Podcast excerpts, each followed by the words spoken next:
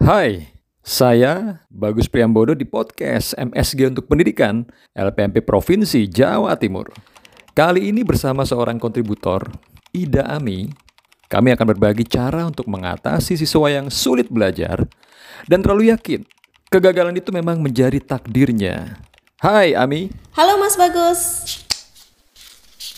Ih, bingung aku sama bahasanya. so alien. Nah, itu tadi beberapa ilustrasi susah atau sulitnya belajar tentang sesuatu. Bagaimana bila itu terjadi ke siswa-siswi kita? Yang lebih parah lagi, kalau ada siswa yang menganggap gagal terus itu memang takdir untuk dia. Ngeri kan? Kalau itu terjadi di sekolah, peran guru nih yang ditunggu-tunggu untuk bisa ngasih solusi ke siswa tadi. Rasa susah belajar ini sebabnya bisa karena apa pun. Salah satunya pola asuh di rumah yang memang buruk dan tidak responsif. Ini jawabannya apa ya? Nggak tahu. Yang bener taburin jawabannya apa?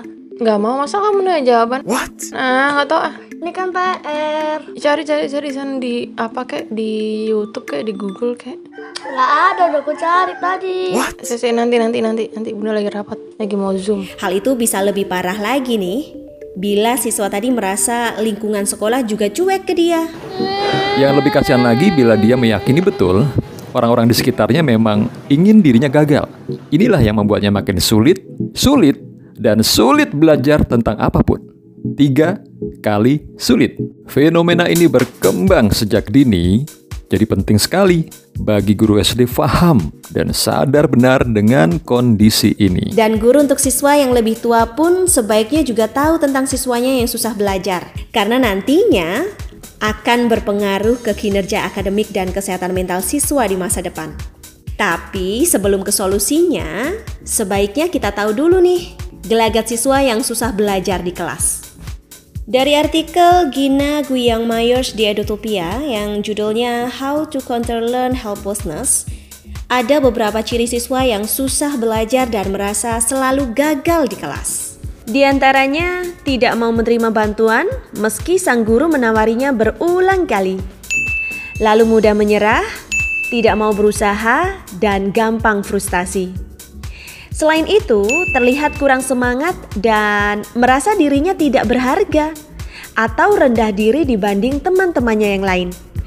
Berikutnya, selalu punya banyak alasan mengapa solusi untuk dirinya agar tidak sulit untuk belajar tidak akan pernah berhasil. Jadi, sangat penting bagi guru untuk mengetahui pesan apa sih yang diterima siswa dari kegagalannya. Bagaimana siswa menjelaskan kegagalan itu dan apakah guru merespon Contohnya begini, bagaimana reaksi guru saat siswa melakukan kesalahan? Apakah kelas adalah lingkungan di mana guru merayakan kesalahan sebagai kesempatan untuk belajar, atau justru sebaliknya? Kamu kenapa? Jeblok lagi? Mesti. Sampai rumah langsung belajar. Tidur jangan sambil baca. Eh, kebalik. Karena jika siswa menangkap pesan, gagal itu permanen, meresap, dan pasti datang untuk dirinya, maka makin kuatlah rasa ketidakmampuan dirinya untuk mempelajari berbagai hal. Dan itu menyedihkan sekali. Tentunya kita tidak ingin itu terjadi ke anak dan siswa kita kan? Yuk sama-sama kita lepas mereka dari rasa susah belajar dan rasa pasti gagal. Caranya Mi? Pertama, periksa cara kita menilai mereka. Karena nilai nol tidak akan pernah memotivasi mereka. Lalu beri mereka peluang untuk mencoba lagi.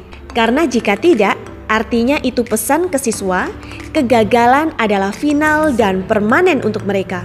Lalu berbagi cerita tentang ilmuwan atau penemu terkenal yang sukses membingkai ulang kegagalan sebagai peluang untuk belajar dan menemukan hal yang baru.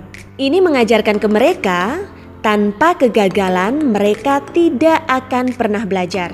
Dulu, Einstein itu juga gitu. Nggak mungkin langsung sukses. Einstein kan juga manusia. Oke, okay, let's go. Berikutnya, pujilah keberhasilan yang dicapainya bukan karena dianya pintar, tapi karena usahanya yang memang luar biasa untuk meraih keberhasilan tadi. Jadi poinnya lebih ke usahanya, ketekunannya, dan perasaan bahwa gagal itu biasa. Tegaskan ke mereka, kegagalan akademis bukanlah masalah pribadi, pervasif, atau permanen. Dan tetaplah buat mereka optimis bahwa gagal itu tidak selamanya mereka alami. Tunjukkan juga cara yang benar untuk mengatasinya. Yes. Kita juga bisa bilang ke mereka, gagal adalah peluang untuk mengenali kesalahan dan perlu dirayakan dengan bilang, sekarang kita jadi tahu cara apa yang tidak berhasil. Jadi, kita cari yuk cara yang lebih efektif dan lebih seru.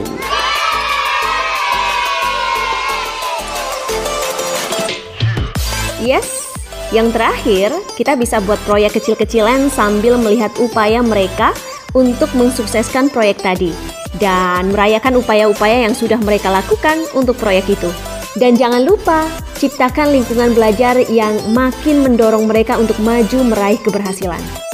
Bisa dengan hadirnya orang-orang dewasa yang peduli ke proyek mereka dan media untuk mempublish karya mereka. Finally, sangat penting menumbuhkan harapan, rasa syukur, dan ketahanan diri terlebih bagi siswa yang sulit belajar dan yakin bahwa dirinya ditakdirkan untuk gagal.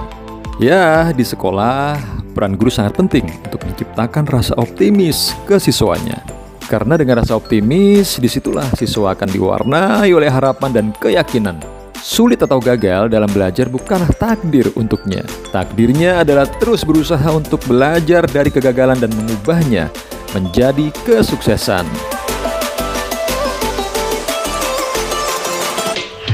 Terima kasih, Ami. Sama-sama Mas Bagus. Podcast ini bisa Anda dengarkan juga di Jelita, jendela literasi kita. Mendekatkan dunia ke kita untuk pendidikan yang lebih baik.